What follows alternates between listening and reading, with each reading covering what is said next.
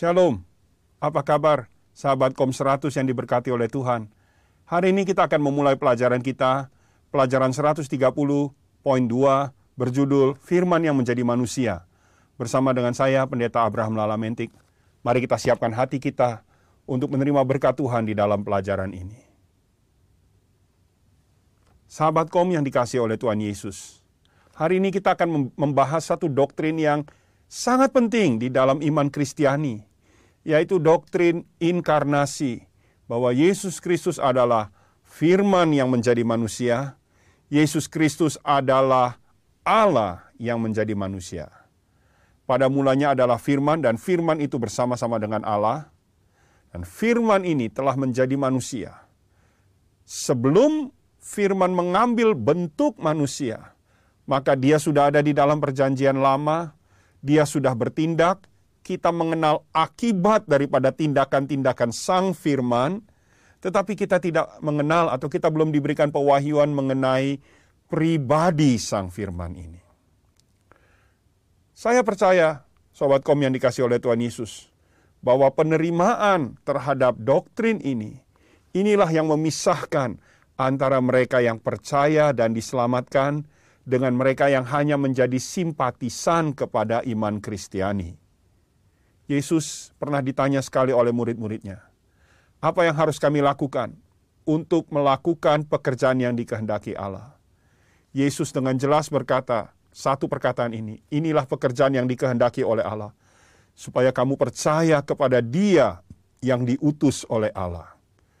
Nah, kata percaya kepada Dia yang diutus Allah, believe in him whom God has sent. Di dalam kata believe ada dua unsur. Pertama ada unsur faith, ada unsur iman. Iman kepada apa? Iman kepada apa yang Yesus katakan mengenai dirinya. Pada waktu Yesus memberikan revelation, memberikan pewahyuan, memberikan pengungkapan mengenai identitas dirinya sendiri. Di dalam Injil Yohanes kita melihat bagaimana Tuhan Yesus sangat membuka ya, Rasul Yohanes disebut John the Revelator karena tulisannya di dalam kitab Wahyu dan unsur pewahyuan atau penyingkapan diri Allah itu benar-benar kental di dalam semua tulisan Yohanes. Yesus yang mengungkap identitas dirinya. Akulah terang dunia.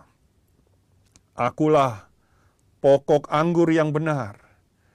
Akulah roti yang turun dari sorga Akulah jalan kebenaran dan hidup. Akulah pintu. Akulah kebangkitan dan hidup. Nah, bagaimana kita menyikapi klaim-klaim Tuhan Yesus terhadap apa yang dia ungkapkan mengenai identitas dirinya? Kalau kita bisa berkata ya, maka kita baru disebut beriman kepadanya. We have faith in him whom God have sent kita punya iman kepada dia yang sudah diutus Allah. Having a nice opinion about Jesus, ya, punya pendapat yang baik mengenai Yesus. Oh, saya pikir dia orang baik, saya pikir dia guru yang baik. Itu bukan iman. Itu opini yang yang baik. It's a nice opinion. Tapi nice opinion tidak membenarkan saudara di hadapan Tuhan. Opini yang baik tentang Yesus tidak membuat saudara melakukan pekerjaan yang Tuhan kehendaki. Dan yang kedua ada unsur trust unsur trust di mana kita menyerahkan kehidupan kita sepenuhnya kepadanya. Murid-murid Tuhan Yesus setelah mereka mengungkapkan percaya mereka atau iman mereka terhadap klaim-klaim identitas diri Tuhan Yesus, mereka meneruskan dengan berkata, "Kami ingin ikut Engkau." Mereka berkata ya kepada undangan yang Tuhan Yesus berikan untuk mereka mengikut Dia menjadi murid-muridnya. Inilah yang kita melihat merupakan dasar daripada doktrin Allah menjadi manusia atau firman menjadi manusia. Di dalam buku kita kita melihat tujuannya. Tujuan inkarnasi Kristus ke dalam sejarah manusia. Banyak orang berkata, "Kenapa saya harus percaya kepada Kristus? Kenapa saya harus percaya kepada agamamu? Agamamu baru umur 2000 tahun, agama saya sudah umur 5000 tahun atau 10000 tahun. Saya sering kali berkata, berapa lama sesuatu itu belum tentu menjamin kebenaran.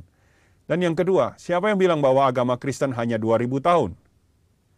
Agama Kristen adalah penerimaan terhadap pewahyuan diri tentang Tuhan Yesus, tentang identitas dia.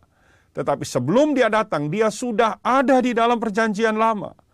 Agama Kristen mewarisi pewahyuan pertama yang diterima oleh umat Yahudi yang dimulai dari kitab kejadian, yaitu penciptaan alam semesta ini dan bagaimana Tuhan Yesus pun sudah bertindak sebagai firman yang menciptakan segala sesuatu. Allah menciptakan segala sesuatu oleh firman-Nya. Ex nihilo, dari tidak ada menjadi ada. Dari sebelum materi dan energi ada. Tuhan Yesus yang mengadakan itu semua. Dan ketika sejarah manusia mulai bergulir, baik sejarah besar manusia dari kejadian pasal yang kedua sampai kejadian pasal yang ke-12. Tuhan Yesus terlibat di dalamnya. Lebih lagi ketika pemilihan terhadap Abraham dan melahirkan umat pilihan dan melalui keturunan Abraham, sejarah keselamatan itu didramakan. Maka Tuhan Yesus terlibat di dalamnya. Kita melihat di dalam perjanjian lama, bagaimana malaikat Tuhan yang ditulis dengan huruf besar M, malaikat dan Tuhan, T-U-H-A-N, dengan huruf besar semua.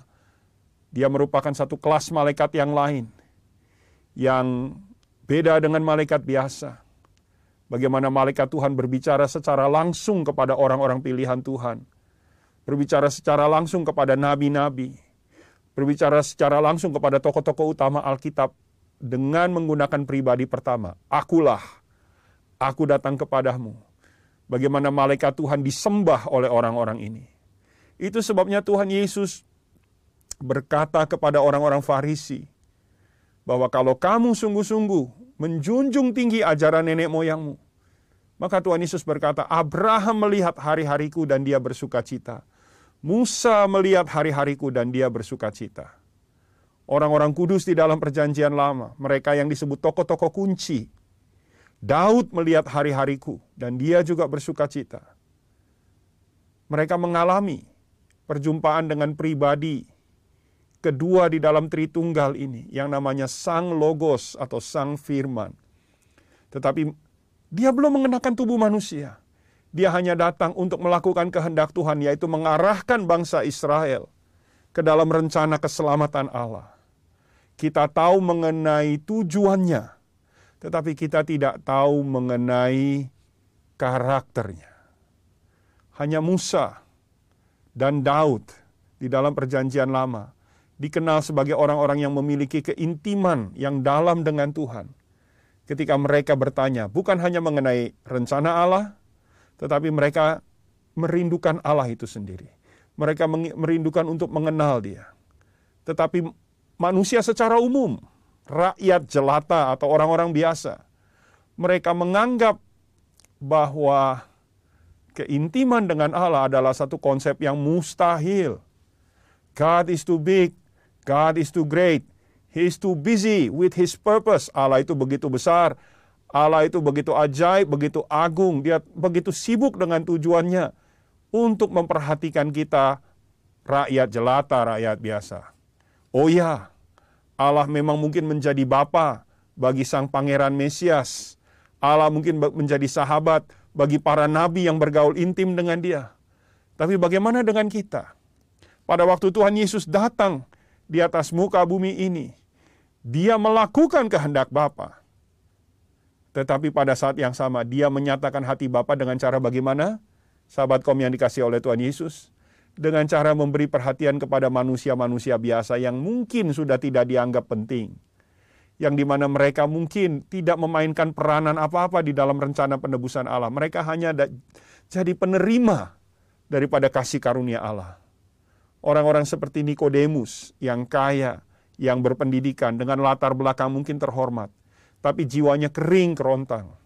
Orang-orang seperti Sakeus yang kaya tetapi tidak terhormat, yang uh, meskipun memiliki kekayaan materi, tetapi kalau jalan di pinggir jalan tidak menerima penghargaan atau penghormatan dari rakyat banyak, dia begitu sendirian. Tuhan Yesus juga ada waktu untuk orang-orang seperti dia. Atau untuk seperti wanita pelacur, wanita Samaria yang latar belakangnya buruk. Di mana kalau yang ini harta tidak punya, penghormatan atau kehormatan dari masyarakat juga nggak punya. Jadi itu benar-benar mereka yang di kelas yang paling bawah. Tuhan Yesus ada waktu untuk mereka. Pengemis, buta, orang-orang yang tersingkir, Bahkan untuk orang-orang yang bahkan tidak masuk di dalam ukuran umat Allah secara jasmani, orang-orang Romawi. Tuhan Yesus punya waktu untuk mereka, mengasihi mereka, mengambil waktu untuk menyembuhkan mereka, dan menghargai iman yang ada di dalam diri mereka yang ia lihat. Sahabat kom yang dikasih Tuhan Yesus, inilah hati Bapa buat kita. Bahwa dia mengasihi semua orang. Dia bukan hanya melihat nilai orang ini di dalam arti gunanya, di dalam rencananya, tetapi dia melihat nilai orang ini sebagai pusat daripada rencananya. Adalah hati Allah untuk menjangkau seluruh manusia di muka bumi ini dengan kasihnya. Dan di diri, dalam diri Tuhan Yesus, kita melihat hal ini telah terjadi. Yang kedua kita lihat di dalam buku kita, ialah untuk menggenapi rencana penebusannya. Sobat kom yang dikasih oleh Tuhan Yesus. Tadi kita sudah menyinggung bahwa di dalam perjanjian lama, pribadi kedua di dalam Tritunggal yaitu Sang Logos telah tercatat tindakannya. Kita tidak bisa ambil sesuatu waktu yang dalam karena itu memerlukan satu studi yang tersendiri. Tetapi di dalam Yosua pasal 5 misalnya, ketika Yosua berhadapan dengan panglima bala tentara Allah sarjana-sarjana teologi, ahli-ahli Alkitab sangat yakin, hampir pasti 100% bahwa yang dilihat oleh Yosua itu adalah Kristofani. Penampakan diri Kristus sebelum dia menjadi Yesus. Penampakan diri Kristus sebelum dia mengambil rupa manusia. Pribadi kedua di dalam ketritunggalan. Karena hanya dia yang bisa dilihat oleh mata. Yohanes 1 ayat yang ke-18. Injil Yohanes pasal yang pertama ayat yang ke-18 saya ajak kita semua untuk baca ayat ini. Injil Yohanes pasal yang pertama ayat yang ke-18. Tidak seorang pun yang pernah melihat Allah, tetapi anak tunggal Allah yang ada di pangkuan Bapa, dialah yang menyatakannya anak tunggal Allah yang ada di pangkuannya. Pribadi kedua, dialah yang bisa mengeksegese sang Bapa. Bagaimana rupa sang Bapa di sorga? Itu sebabnya di dalam perintah pertama dan perintah kedua terutama di dalam hukum Taurat. Jangan membuat patung apa pun untuk disembah. Ini berurusan dengan hal ini. Karena kemampuan artistik manusia tidak akan bisa menggambarkan rupa yang sesungguhnya. Memang Allah berkata, ya karena pada mulanya adalah firman ya. Pada mulanya adalah firman, bukan gambar, tapi firman. Ketika dia menyatakan bahwa dirinya adalah Bapa bagi bangsa Israel. Bagaimana rupanya Bapa? Nah ini di dalam hukum Taurat ini dilarang digambarkan. Kita hanya bisa menerima konsep. Musa minta satu hal dari Tuhan. Dia ingin melihat wajah Allah. Tapi Tuhan tidak mengizinkan permintaan ini digenapi. Karena apa? Tidak ada orang yang melihat wajah Allah dan tetap hidup. Yohanes 1 ayat 18 tadi berkata, tidak seorang pun, tidak ada seorang pun yang pernah melihat Allah. Tetapi pada waktu Tuhan Yesus menyatakan Allah, menyatakan Bapa, di sini kita lihat dia melakukan satu eksegese atau pernyataan yang total. Bagaimana rupa Allah? Lihatlah rupa Tuhan Yesus. Pada waktu zaman Tuhan Yesus hidup, belum ada foto. Tidak ada foto yang available bagi kita. Dan juga tidak ada orang yang melukis rupa Tuhan Yesus sehingga kita bisa menangkap rupa dia secara fisik. Apa yang tersedia bagi kita di zaman ini di dalam uh, seni-seni Kristiani kalau saudara lihat lukisan-lukisan, patung-patung diambil dari bungkusan kain kafan di Turin yang di atasnya katanya tercetak bekas wajah Tuhan Yesus dari darah dan peluh yang ada yang terekam di dalam uh, Shroud of Turin atau kain kafan yang ada dari dalam Turin. Entah uh, benar atau tidak atau seberapa persen akurat daripada rekaman ini yang tercetak di atas kain ini, ini di luar subjek kita pada pelajaran kali ini. Tetapi yang kita mau katakan atau yang kita mau sampaikan, kita pelajari bersama ialah Tuhan Yesus menyatakan kehendak Bapa, baik secara fisik dialah Allah, maupun secara karakter. Dan saya rasa lebih penting ialah karakter.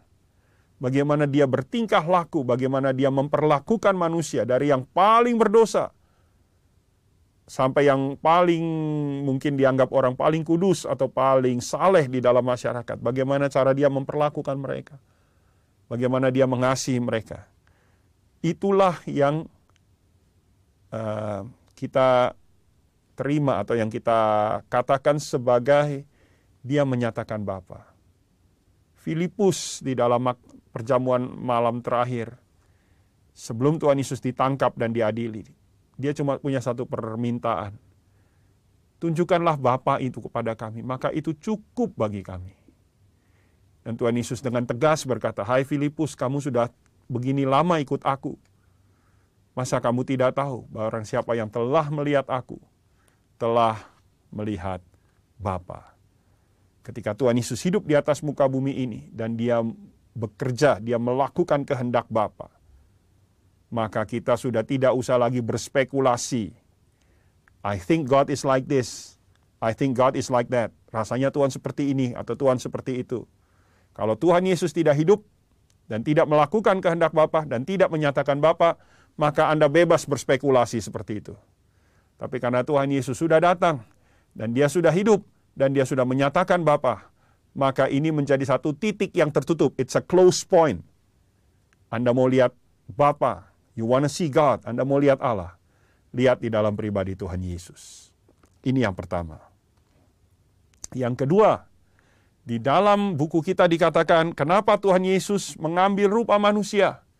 Ialah untuk menggenapi rencana penebusannya. Di dalam perjanjian lama, ketika logos itu masih bertindak di luar inkarnasi, di mana ada penampakan pribadi kedua. Dia nampak seperti malaikat Tuhan, seperti panglima bala tentara Tuhan, dan ada beberapa lagi termasuk Melkisedek apa yang dilihat Abraham di dalam kejadian pasal yang ke-18. Tapi yang menjadi penampakan atau permunculan sang logos ya, ada yang sebut Kristofani atau Logofani, penampakan diri pribadi sang logos. Tidak bisa menggenapi rencana utama Allah di dalam penebusan manusia karena persoalan manusia adalah dosa, bukan ketertindasan. Persoalan manusia utama adalah dosa, bukan tekanan-tekanan dari luar. Maka logofani atau kristofani ini bisa menyelamatkan bangsa Israel dari masalah yang dihadapi sekelilingnya. Tetapi tidak bisa melepaskan bangsa Israel dari apa yang dihadapi oleh manusia pada umumnya. Dan itu merupakan masalah utama, yaitu dosa, pemberontakan kita terhadap Tuhan. Di dalam Injil Matius pasal yang pertama, Matius pasal yang pertama, ayat yang ke 21, Injil Matius pasal yang pertama ayat 21, Malaikat Gabriel memberikan intro atau uh, penjelasan singkat, resume mengenai tugas dan mission statement dari Tuhan Yesus.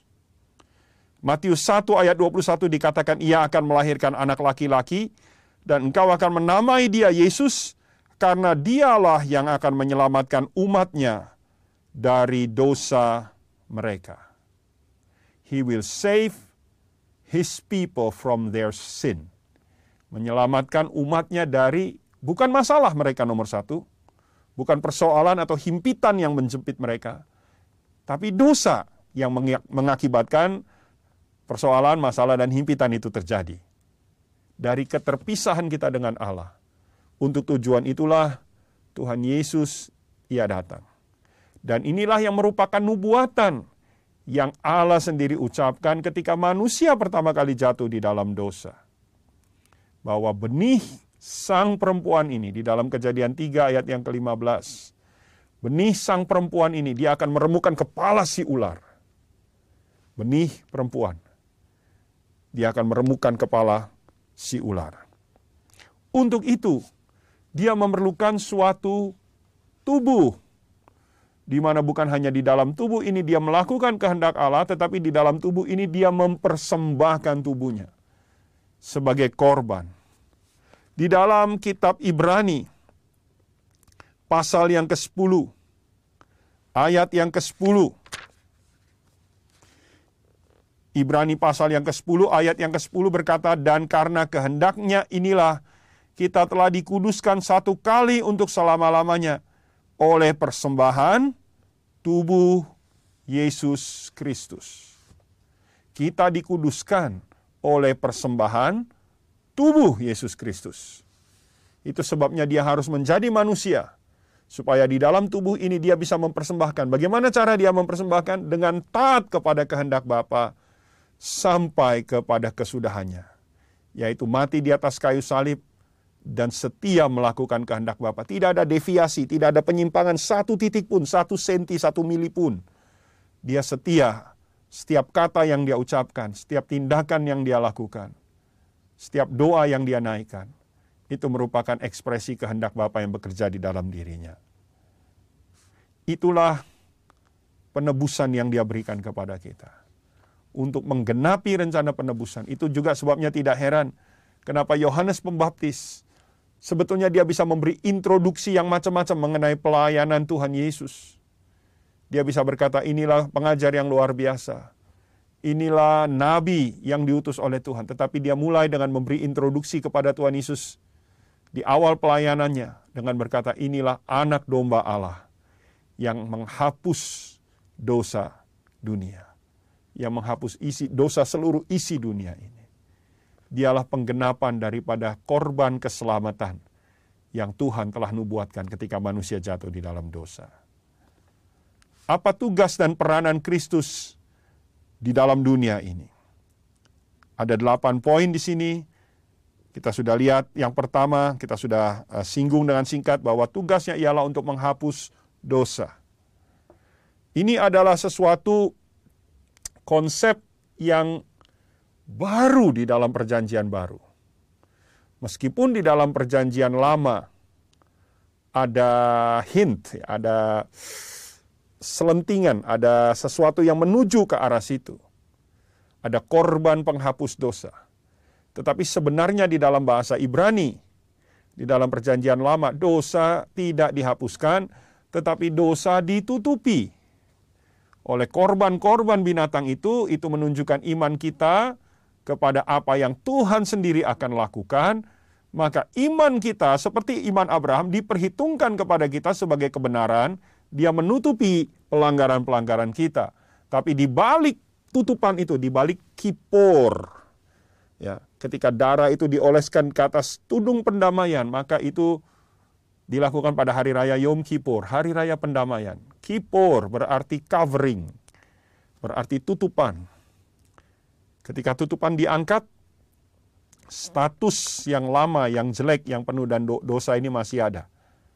Tetapi di dalam perjanjian baru memiliki satu unsur yang baru, yaitu dosa bukan hanya ditutupi, tetapi dosa dihapuskan, atau disebut juga diampuni, atau disebut juga dikalahkan oleh darah anak domba yang dipersembahkan oleh Allah sendiri. Ini tujuan yang pertama, dia menghapus dosa. Yang kedua, dia memberi teladan tentang hidup yang kudus. Yesus Kristus harus taat. Apa itu kekudusan? Kekudusan ialah hidup di dalam kehendak Allah sepenuhnya. Tuhan Yesus memberikan suatu kontras yang besar di dalam kehidupannya pribadi dengan kehidupan orang Farisi dan Saduki. Kekudusan orang Farisi dan Saduki adalah kekudusan uh, berdasarkan ketaatan kepada hukum Taurat dan itu pun tidak sempurna. Karena bukan hanya hukum Taurat yang mereka taati, tetapi peraturan-peraturan manusia wi yang diambil dari Mishnah, ya, hukum oral, hukum kedua yang dipakai. Dan Mishnah itu bukan dari Tuhan, itu dari hasil interpretasi mereka. Orang Farisi sangat disiplin. Dan saya katakan begini, sahabat kaum yang dikasih oleh Tuhan Yesus. Disiplin tidak berarti kekudusan, belum tentu. Banyak orang disiplin di dunia ini tetapi tidak kudus. Anda masuk akademi militer, Anda bisa jadi orang disiplin. Tapi belum tentu Anda jadi orang kudus. Meskipun Anda tidak mungkin jadi kudus tanpa disiplin. Sekali lagi, disiplin belum tentu berarti kekudusan tetapi mustahil mencapai kekudusan tanpa disiplin di pihak kita. Ini harus sesuatu yang kita perhatikan. Ini yang Tuhan Yesus beri kepada kita, teladan hidup kudus. Ya, teladan hidup yang sepenuhnya hidup untuk menyenangkan hati Bapa dan melakukan kehendak Bapa. Yang berikutnya, Tuhan Yesus datang untuk membinasakan pekerjaan iblis. Sekali lagi, salah satu perbedaan yang kontras antara perjanjian lama dengan perjanjian baru ialah ini. Di dalam perjanjian lama, musuh kita adalah darah dan daging. Kita menganggap bahwa mereka-mereka yang menekan umat Tuhan, itulah yang merupakan si jahat. Mereka lah yang merupakan hasatan, satan, setan. Itulah mereka yang ber... Satan artinya oposisi, saudara-saudara, lawan. Tetapi di dalam perjanjian baru, Tuhan Yesus berkata kepada orang Israel, eh, hasatan, musuh, bukan otomatis itu berarti orang Romawi yang menjadi musuh kamu. Di antara orang Romawi ada orang-orang yang percaya kepadaku. Allah juga mengasihi mereka, Allah juga ingin mereka bertobat. Allah juga ingin mereka mengenal kasihnya. Orang Israel mengalami kesulitan menerima hal itu, saudara. Dan Tuhan Yesus berkata bahwa yang namanya hasatan, yang namanya satan, yang namanya oposisi, ialah yang mengikat kamu. Itulah sebabnya pelayanan melepaskan orang dari kuasa kegelapan itu begitu nyata di dalam perjanjian baru dan hampir tidak ada di dalam perjanjian lama. Tidak ada. Di dalam perjanjian baru ada beberapa kali Tuhan Yesus melakukan pelayanan mengusir setan untuk menunjukkan kepada orang Israel bahwa yang yang menjadi musuh sekarang, yang jadi hasatan, itu bukan darah dan daging lagi. Itu sebabnya Tuhan Yesus datang untuk membinasakan pekerjaan si iblis.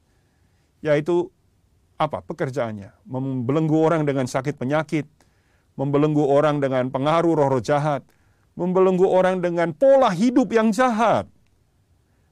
Dosa, kedagingan, hawa nafsu yang membelenggu orang itu sama buruknya dengan orang terbelenggu dengan kuasa-kuasa okultisme. Tuhan Yesus datang untuk membinasakan pekerjaan iblis di dalam diri manusia. Mulai dari poin yang keempat sampai yang kedelapan, sobat kom yang dikasih oleh Tuhan Yesus, kita melihat pelayanan Tuhan Yesus pasca kenaikannya. Dia telah menyelesaikan rencananya selama 33 tahun setengah hidup sebagai manusia di atas muka bumi ini, tetapi setelah kenaikannya ke sorga, bukan berarti dia santai dan tidak berperan lagi. Justru kita melihat bahwa pelayanannya yang pada saat ini di dalam posisinya sebagai anak tunggal Bapa yang ada di sebelah kanannya adalah pelayanan yang vital, tapi kali ini adalah pelayanan yang diberikan khusus kepada gerejanya. Gereja adalah objek penebusannya.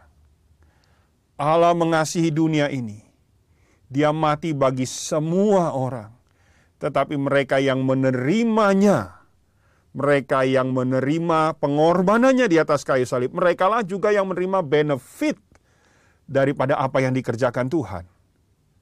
Jadi merekalah yang menjadi objek daripada rencana Allah dan eh, menjadi objek, menjadi tujuan daripada pelayanan Kristus pasca kenaikannya. Nomor empat dikatakan dia menjadi Tuhan atas semesta ini. Sekarang Yesus adalah Kristus. Dia adalah Mesias. Bukan hanya Mesias bagi orang Yahudi, tetapi dia adalah Mesias bagi dunia ini. Kemudian saudara bertanya, apa artinya Mesias bagi dunia ini? Bukankah yang punya pengharapan Mesias hanya orang Israel saja? Orang Israel punya harapan bahwa Mesias akan datang dan memulihkan kerajaan Daud kepada Israel dan kembali kemuliaan Israel. Mereka tidak lagi diinjak-injak oleh bangsa-bangsa. Mereka jadi bangsa yang besar, bangsa yang perkasa, yang dihormati. Tapi sobat komisi dikasih Tuhan Yesus, Rasul Paulus mengangkat konsep ini satu level lagi lebih tinggi. Bahwa yang punya pengharapan mesianik bukan hanya bangsa Israel, tetapi alam semesta ini. Kenapa? Karena alam semesta ini telah terjajah, tanda kutip. Terjajah, terjual oleh iblis. Alam semesta ini sudah kehilangan kemuliaan pertama kali yang dimilikinya pada waktu Allah menciptakan alam semesta ini. Kemuliaan Allah telah pudar ketika Yesus menjadi raja atas alam semesta ini, barulah alam semesta ini kembali kepada tujuan yang pertama kali Allah ciptakan mereka. Rasul Paulus di dalam Roma 8 berkata demikian, bahwa seluruh alam semesta ini menunggu sampai ciptaan Allah sepenuhnya menyatakan Kristus di dalam kehidupannya. Ketika gambar Kristus semakin lama semakin terbentuk di dalam gerejanya, maka pada satu titik maka alam semesta ini akan dikepulihkan kepada kemuliaan pertama Allah waktu menciptakan alam semesta ini. Mungkin saya ambil contoh yang sederhana. Saudara-saudara yang suka bertani, yang suka bercocok tanam kecil-kecilan aja di rumah. Mungkin kalau kita lihat hasil tanaman kita mungkin kecil ya, kita tanam pohon mangga. Pohon mangga kita mungkin kita sudah usahakan bertahun-tahun tapi buahnya kecil, asem lagi. Mungkin kita berpikir apa nasib pohon mangga yang waktu Tuhan ciptakan di Taman Eden ini seperti ini. Kita ingat satu hal, bahwa ketika gambaran Kristus telah muncul sepenuhnya di dalam gerejanya, maka satu kali belenggu kesia-siaan yang ada di atas alam semesta ini akan dipatahkan dan pohon mangga kita saudara akan mencapai tujuan utama waktu pertama kali Allah ciptakan mangga di atas taman Eden ini. Pohonnya gemuk besar, buahnya besar. Dan inilah yang dikatakan Kristus adalah Tuhan atas alam semesta ini. Paulus mengambil ini di dalam perjanjian baru, tetapi Daud sudah mengerti ini di dalam perjanjian lama. Ketika Daud berkata bahwa Tuhan Allah memerintah atas alam semesta ini dan bumi ini bersuka cita. Pohon akan bertepuk tangan. Pohon akan bersorak-sorai. Bukit-bukit batu akan berlompat Tentu ini adalah gambar puisi, gambar kiasan. Tetapi saudara bisa mengerti artinya bahwa yang dimaksudkan adalah kesempurnaan kembali tujuan Allah di atas alam semesta ini. Yang akan terjadi nanti. Kenapa? Karena Kristus menjadi Tuhan atas alam semesta ini. Poin yang nomor lima. Dia adalah menjadi satu-satunya keselamatan bagi manusia apa yang terjadi di kayu salib adalah sesuatu kejadian yang sifatnya transdimensional. Dia memiliki dampak kepada orang-orang yang hidup sebelum kayu salib itu. Tidak ada peristiwa yang seperti itu. Sobat kom yang dikasih oleh Tuhan Yesus. Indonesia merdeka tanggal 17 Agustus 1945 kalau kita punya keluarga yang kebetulan meninggal pada tanggal 16 Agustus 1945, satu hari sebelum hari kemerdekaan kita, maka proklamasi kemerdekaan kita tidak bisa melepaskan dia, tidak punya dampak kepada mereka yang meninggal sebelum hari itu terjadi. Tetapi salib Kristus, dia memiliki dampak transdimensional. Mereka yang mati sebelum peristiwa itu terjadi, mereka menaruh imannya kepada apa yang akan datang terjadi, yaitu apa yang Allah sendiri akan sediakan, yaitu anak domba Allah yang akan menghapus dosa dunia. Bagaimana caranya mereka menunjukkan iman mereka? Dengan mempersembahkan korban bakaran di hadapan Tuhan. Itu titik, itu poin mereka menunjukkan imannya. Kita yang hidup di sebelah sini, di dalam kuasa kebangkitan Tuhan Yesus, kita yang sudah hidup di dalam apa yang Tuhan Yesus telah kerjakan ini, maka kita menaruh iman kita kepada apa yang terjadi di masa lalu dengan cara menaruh iman kita di atas fakta. Oh, Kristus telah mati bagi dosa-dosa kita. Dan dia tetap yang menjadi administrator dari kuasa kesembuhan, dari kuasa pemulihan ini. Dari kuasa kesembuhan ini, dari kuasa salib Saudara-saudara, karena orang Kristen percaya bahwa keselamatan adalah berbicara mengenai pemulihan hubungan nomor satu. Itu sebabnya dia tetap menjadi administrator utama. Dia yang tetap memberikan undangan berkata, marilah datang kepadaku, hai kamu yang letih, lesu, dan berbeban berat. Aku akan memberikan istirahat atau kelegaan atau sentosa kepada kamu. Dia yang datang kepadaku sekali-kali aku tidak akan menolaknya.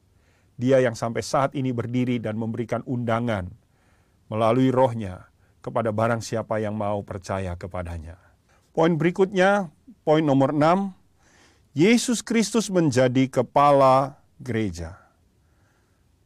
Sobat kom yang dikasih oleh Tuhan Yesus, mungkin Anda ingat kepada peristiwa ketika Rasul Paulus, waktu itu namanya masih Saulus, ia berjumpa dengan Tuhan Yesus di dalam perjalanan ke Damaskus. Dia melihat satu cahaya yang terang yang membutakan mata jasmaninya. Tapi yang luar biasa ialah cahaya yang terang itu mencelikan mata rohaninya. Dan apa yang suara yang dia dengar dari cahaya itu berkata demikian. Saulus, Saulus, mengapa engkau menganiaya? Nah ini menarik perhatikan di sini. Tuhan Yesus tidak membuat perbedaan dia tidak berkata, mengapa engkau menganiaya gerejaku? Tapi Tuhan Yesus langsung berkata, mengapa engkau menganiaya aku? Karena ada kesatuan organik antara Yesus sebagai kepala gereja dengan kita yang menjadi gereja adalah tubuhnya sendiri. Kalau gereja dan masing-masing struktur di dalam kepemimpinan gereja ini menghormati kepemimpinan Tuhan Yesus, maka dari kepala itulah, dari pengurapan yang turun dari kepala itu, tubuh ini memperoleh kehidupannya, memperoleh perintahnya, memperoleh kesatuannya. Yesus Kristus adalah kepala gereja. Itulah sebabnya semua yang kita lakukan.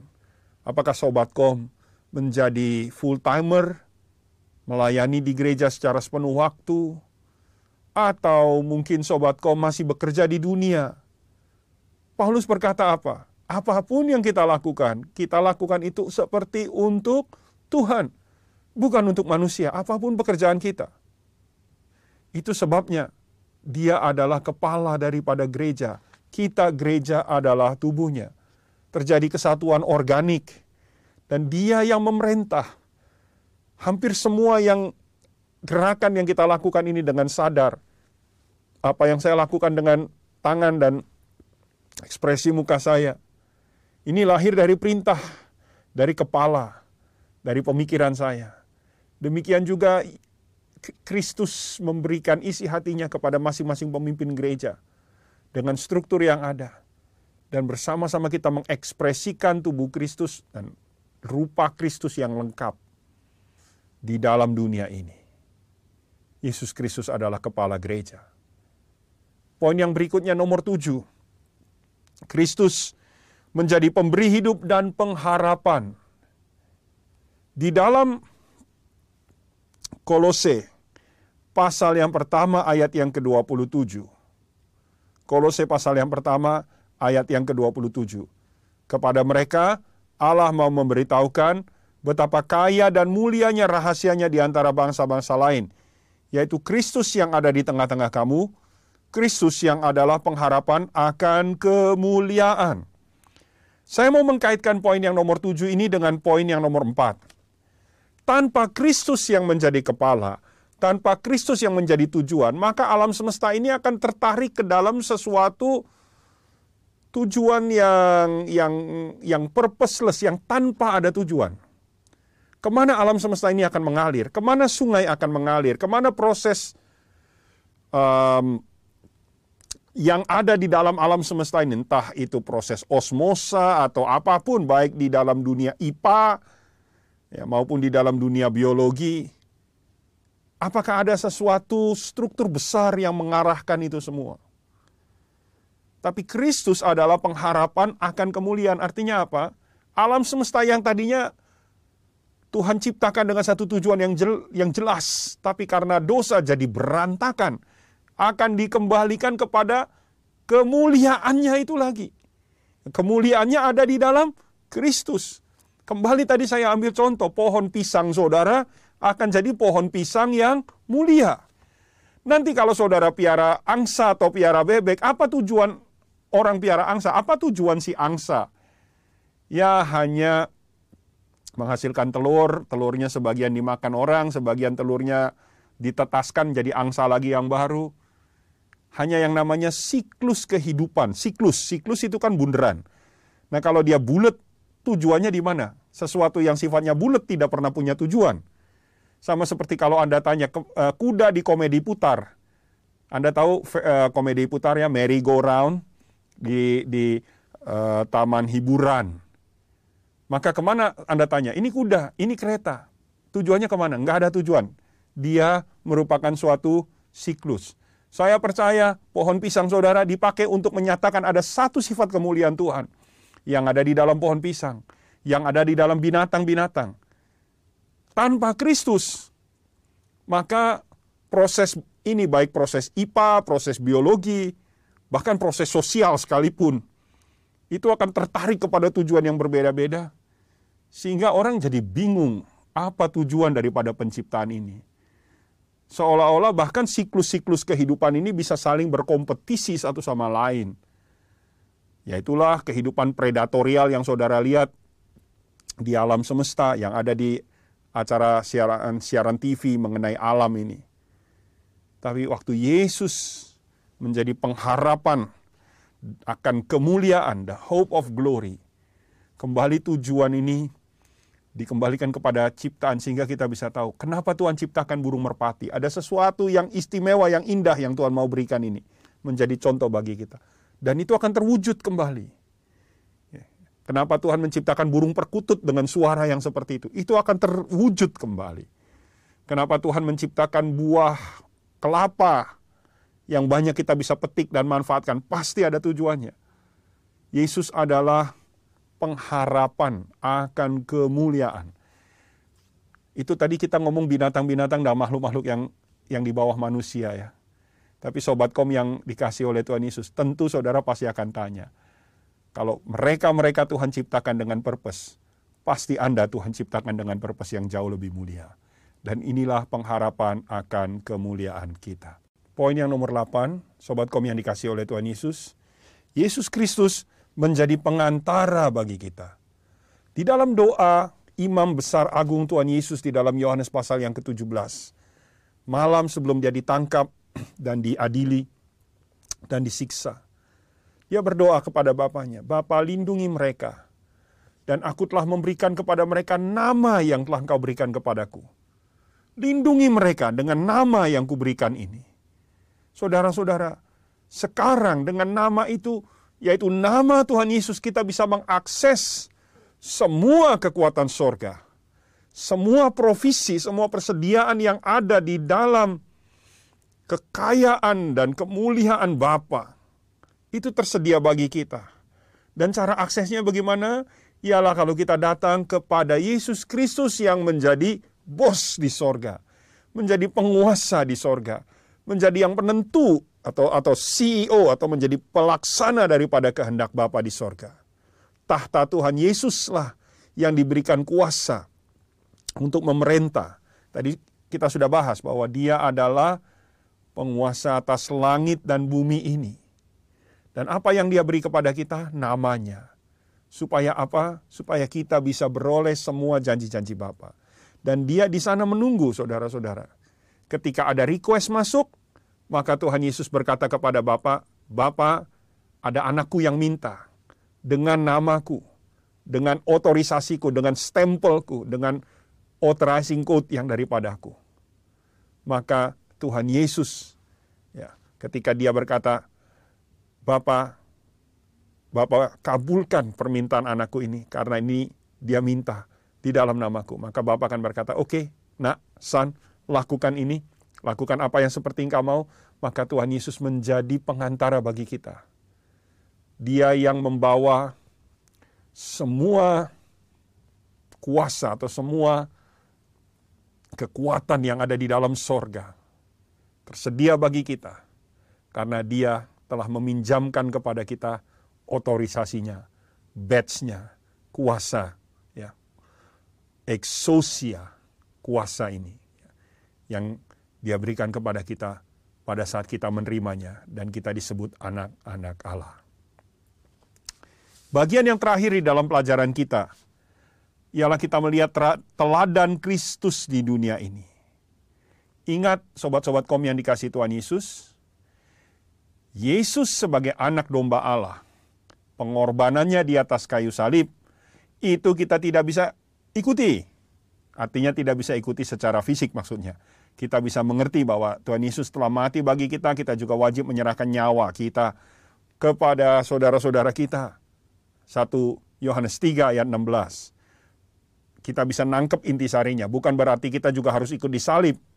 Saya dengar, saya belum pernah melihat ini secara langsung, tapi saya pernah dengar di negara Filipina menjelang uh, musim Paskah seperti bulan April ini pada saat rekaman ini uh, dilakukan, itu banyak orang-orang yang mau meneladani Tuhan Yesus. Mereka juga rela untuk memberi diri mereka dipaku benar-benar dan dicambuki seperti Tuhan Yesus, meskipun saya nggak tahu bagaimana proses pencambukannya. Saya secara pribadi merasa ini satu tradisi yang yang tidak baik ya. Ini satu tradisi yang menurut saya mungkin demonik. Ada kuasa kegelapannya. Karena tidak pernah di dalam Alkitab kita diminta untuk mengikuti teladan Tuhan Yesus di dalam sisi ini. Yang diminta ialah karena Kristus telah menyerahkan nyawanya bagi kita, maka kita juga wajib mengambil intisari dari apa yang Tuhan Yesus lakukan itu. Kita juga harus rela menyerahkan hidup kita kepada Tuhan dan melayani sesama kita. Yang bagian itu kita meniru keteladanan Tuhan Yesus seperti itu. Tapi selama kehidupan Tuhan Yesus sebagai manusia, dari waktu dia lahir sampai umur 33 setengah tahun pada waktu dia menyerahkan nyawanya, ada banyak keteladanannya secara manusiawi yang kita bisa dan kita patut tiru. Ada satu ayat yang saya ingin sahabat kom kita lihat sama-sama di dalam kitab Ibrani pasal yang kelima ayat yang ke-8. Ibrani pasal yang kelima ayat yang ke-8 berkata demikian. Dan sekalipun ia adalah anak, ia telah belajar menjadi taat dengan apa yang telah dideritanya. Ayat yang ke-9. Dan sesudah ia mencapai kesempurnaannya, ia menjadi pokok keselamatan yang abadi bagi semua orang yang garis bawahi taat kepadanya. There is a place for belief, ada tempat untuk percaya. But there is a place also, ada tempat juga untuk kita taat. Nah di sini taatnya kepada apa? Di ayat yang ke-8. Kepada teladan Tuhan Yesus yang walaupun dia adalah anak Allah. Dia belajar menjadi apa? Taat juga dengan apa yang harus dideritanya. Nah, di deritanya di sini saya percaya seluruh perjalanan salib adalah penderitaan. Mulai dari penyangkalan diri yang hari-harian sampai akhirnya di apa puncaknya dikulminasikan di dalam penyerahan diri untuk menghadapi salib yang sungguhan. Perhatikan ketika Tuhan Yesus berkata barang siapa yang mau mengikut aku hendaklah dia menyangkal diri dan memikul salibnya tiap hari. Tuhan Yesus sama sekali tidak merefer itu kepada peristiwa penyalipan yang akan dia terima itu karena dia tahu saudara, sahabat kaum yang dikasih Tuhan Yesus, murid-muridnya belum bisa menerima akan hal itu. Tapi dia dengan berani mengambil kata memikul salib. Nah, memikul salib ternyata Tuhan Yesus sudah lakukan. Bukan hanya pada waktu dia dilepaskan dari pencambukan oleh serdadu-serdadu Romawi di benteng Antonia, Kemudian dia disuruh memikul salibnya. Tapi memikul salibnya dia sudah mulai lakukan dari sejak hari pertama. yaitu ketika dia mulai taat kepada kehendak Bapa. Kita melihat beberapa teladannya di sini dengan cepat. Nomor satu ialah kasih dan belas kasihannya. Ketika Tuhan Yesus secara manusiawi mengarahkan emosi-emosinya ya, kepada tujuan-tujuan yang ilahi. Tuhan Yesus pernah marah beberapa kali. Dia marah kepada orang Farisi, dia marah kepada pemungut-pemungut uh, cukai dan penukar-penukar uang di bait Allah dan pedagang-pedagang di bait Allah. Tuhan Yesus marah kepada beberapa orang. Dia marah kepada murid-muridnya. Tetapi Tuhan Yesus bukan marah karena melampiaskan kekesalannya, dia marah karena ada satu pelajaran yang Tuhan ingin sampaikan kepada kita manusia. Sisanya kehidupannya diisi dengan kasih dan belas kasihan yang luar biasa kepada mereka-mereka yang secara manusia mungkin tidak pantas untuk menerima ini. Bagaimana ketaatan Tuhan Yesus? Pertama-tama ketaatan kepada Maria dan Yusuf. Ketika sebagai anak kecil dan sebagai remaja, dia taat sepenuhnya kepada apa yang diatur oleh bapaknya secara jasmani. Apa yang diatur oleh ibunya secara jasmani. Tuhan Yesus taat begitu rupa. Sejarawan Alkitab, ahli-ahli teologi ya, hampir semuanya setuju bahwa di dalam masa perjalanan kehidupan Tuhan Yesus ketika Tuhan Yesus remaja, maka Yusuf meninggal. Sehingga kita tidak melihat Tuhan Yesus pada waktu dewasa kita tidak melihat Yusuf ada di sekitar itu. Yang ada hanya Maria dan saudara-saudaranya Tuhan Yesus. Maka ketika Yusuf tidak ada, maka Tuhan Yesus juga taat di dalam pengertian sebagai anak, dia harus bertanggung jawab kepada kehidupan ibunya dan anak-anaknya yang Maria yang lain, yaitu saudara-saudara Tuhan Yesus di dalam daging ini. Yang berikutnya nomor dua kita lihat ketaatannya. Ini tadi kita sudah lihat, ini adalah hallmark, ciri khas daripada Tuhan Yesus. Dia taat kepada kehendak Bapaknya seumur hidupnya. Nah, menarik kita lihat juga baga bagaimana Tuhan Yesus pada waktu masa dia kecil dan remaja, dia bahkan taat kepada kehendak daripada Maria dan Yusuf sebagai ibu dan bapaknya secara jasmani. Pada waktu Tuhan Yesus kecil, pada waktu Tuhan Yesus sebagai remaja, dia taat kepada apa yang disiapkan oleh Yusuf dan Maria. Para ahli sejarah Alkitab, para teolog hampir semua percaya bahwa pada waktu Tuhan Yesus remaja ada sesuatu yang terjadi kepada Yusuf, entah dia meninggal atau bagaimana, sehingga pada waktu Tuhan Yesus besar, tidak ada Yusuf ambil bagian apa-apa di dalam kehidupan Yesus dan saudara-saudaranya. Berarti kemungkinan besar Tuhan Yesus harus bekerja untuk menghidupi Maria dan anak-anak Maria dan Yusuf, saudara Tuhan Yesus di dalam daging ini. Dia taat kepada konvensi-konvensi apa peran-peran yang harus dia mainkan sebagai manusia di tengah-tengah masyarakat. Saudara-saudara yang dikasihi, sahabat kom yang dicintai oleh Tuhan Yesus. Bagaimana Tuhan Yesus rela menerima. Ini sesuatu yang sangat luar biasa ya. Bagaimana dia tuh harus bekerja sebagai manusia. Mencari penghidupan. Dia pasti mengalami konflik sebagai orang yang bekerja di tengah-tengah masyarakat. Ada orang yang cemburu, mungkin ada kompetitor lain yang ada di situ. Tapi Tuhan Yesus taat kepada apa yang dikehendaki Bapaknya, apa yang dikehendaki oleh orang tuanya secara manusia di atas muka bumi ini, dan peranan-peranan yang harus di, dimainkan oleh dia. Sebelum akhirnya dia uh, menjawab panggilan yang tertinggi, yaitu melayani kehendak Bapa secara sepenuh waktu. Yang berikutnya nomor tiga kita melihat kelemah lembutan dan kerendahan hatinya.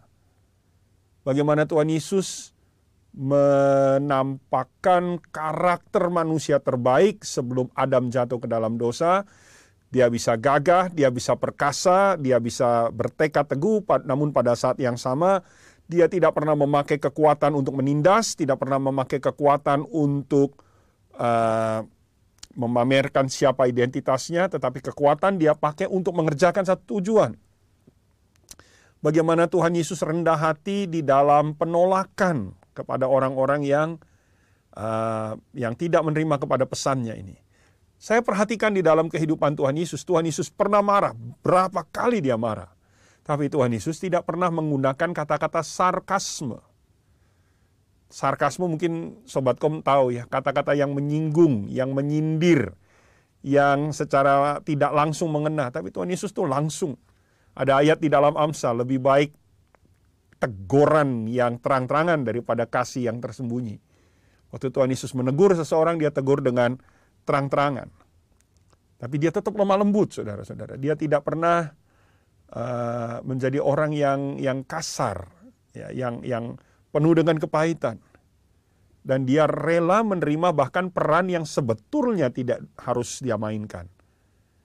Peran yang di bawah dia, di dalam tadi saya sebutkan konvensi-konvensi sosial itu. Dia bahkan mengambil peran seorang hamba yang paling rendah. Tuhan Yesus bukan orang kaya, tapi dia juga bukan orang miskin juga. Dia ada satu posisi tertentu di dalam masyarakat sebagai seorang guru, sebagai seorang pembicara publik. Kalau kita ambil peranan pada saat ini, Tuhan Yesus punya satu tingkat sukses yang cukup boleh dibilang um, reasonable ya, patut, pengikutnya banyak. Kalau zaman sekarang dia di, sudah masuk di dalam level tokoh masyarakat, tapi dia tetap mengambil peranan yang lebih bawah daripada apa yang secara konvensional di dalam masyarakat pada waktu itu. Itulah kerendahan hatinya. Berikutnya yang nomor empat adalah komitmen Tuhan Yesus di dalam pelayanan. Bagaimana dia komit untuk melakukan kehendak Bapa dengan cara yang Tuhan kehendaki. Di dalam kehidupan Tuhan Yesus tidak ada kamus tujuan menghalalkan cara. Yang penting tujuannya tercapai, entah caranya bagaimana. Itulah intisari daripada pencobaan terhadap Tuhan Yesus 40 hari 40 malam di padang gurun. Bagaimana si iblis berusaha membuat Tuhan Yesus melakukan kehendak Allah. Ya, mengubah batu menjadi roti untuk memberi makan orang banyak. Tuhan Yesus memberi makan orang banyak. Tapi caranya bukan demikian ya, untuk loncat dari hubungan bait Allah karena firman Allah berkata bahwa malaikat diperintahkan untuk menatang Tuhan Yesus supaya dia tidak terantuk batu. Tuhan Yesus melakukan mujizat banyak, tetapi bukan untuk sesuatu yang sifatnya spektakuler dan untuk menunjukkan identitas dia. Tuhan Yesus komit kepada pelayanannya sesuai dengan apa yang Bapaknya ingin dia lakukan kesabaran dan pengampunan yang ada di dalam dirinya. Bagaimana dia sebagai leader, sebagai seorang pemimpin. Bertoleransi kepada 12 orang yang mungkin kalau diukur dengan ukuran uh, leadership pada zaman ini, pasti 12-12 ini tidak ada yang masuk hitungan. Tapi Tuhan Yesus sabar dan dia menggembleng mereka dengan penuh kasih sampai akhirnya mereka lah yang meneruskan pelayanannya di atas muka bumi ini. Dan yang nomor enam, dikatakan kesediaannya membayar harga di dalam penderitaan. Tadi kita sudah lihat di dalam ayat kita, di dalam bagian ini. Ibrani 5 ayat 8. Tetapi dia taat meskipun dia adalah anak. Dia taat ya, melalui hal-hal yang dideritanya. Ya, bagaimana dia bertekad. Kenapa? Karena kitab Ibrani yang sama berkata di dalam Ibrani 12 ayat 2. Karena Tuhan Yesus melihat sukacita yang merupakan motivasi dia. Dia bisa melihat upah daripada penderitaannya. Yaitu jiwa-jiwa yang dipulihkan, jiwa-jiwa yang dimenangkan, jiwa-jiwa yang diperkenalkan dan diperdamaikan kembali kepada Bapa. Jadi itu adalah sesuatu yang secara manusia kita bisa melihat. For every suffering there is a purpose. Di belakang setiap penderitaan ada tujuan yang Allah berikan. Dan kita matanya harus tertuju kepada situ. Di dalam pelajaran ini kita melihat ada dua sisi sobat kom yang dikasih Tuhan Yesus. Sisi pertama ialah doktrin bahwa Yesus adalah manusia Allah. Logos yang menjadi manusia. Allah yang menjadi manusia. Sisi yang kedua ialah bahwa Yesus sebagai manusia, dia memiliki pribadi yang tak tertandingi. Luar biasa. Sebagai orang Kristen, kita memeluk kedua fakta ini. Bahwa dialah logos yang menjadi manusia. Dialah firman yang menjadi manusia. Dialah Allah di dalam daging, di dalam diri manusia ini. Itu sebabnya dia memiliki pribadi, dia memiliki keteladanan hidup yang sangat luar biasa. Tapi ada juga sobat kom yang dikasih Tuhan Yesus, orang-orang di dunia ini yang belum bisa memeluk, belum bisa menerima fakta yang pertama, tapi mereka mengakui fakta yang kedua. Orang-orang seperti Mahatma Gandhi berkata, I like your Christ, although I don't like your Christian. Aku suka pada Kristusmu, aku nggak suka sama orang Kristenmu. Artinya apa? Dia suka kepada pribadi Tuhan Yesus. Tidak pernah dicatat bahwa Gandhi bisa menerima klaim-klaim Tuhan Yesus, apalagi klaim-klaim eksklusifnya bahwa akulah satu-satunya jalan kebenaran dan hidup. Tidak dikatakan seperti itu. Gandhi tidak pernah uh, secara umum atau secara publik memberikan endorsementnya kepada klaim-klaim doktrin Kristiani, tetapi kepada pribadi manusia Kristus, dia sangat kagum. Nah kita orang Kristen, saudara, saya harap kita lebih dari Mahatma Gandhi.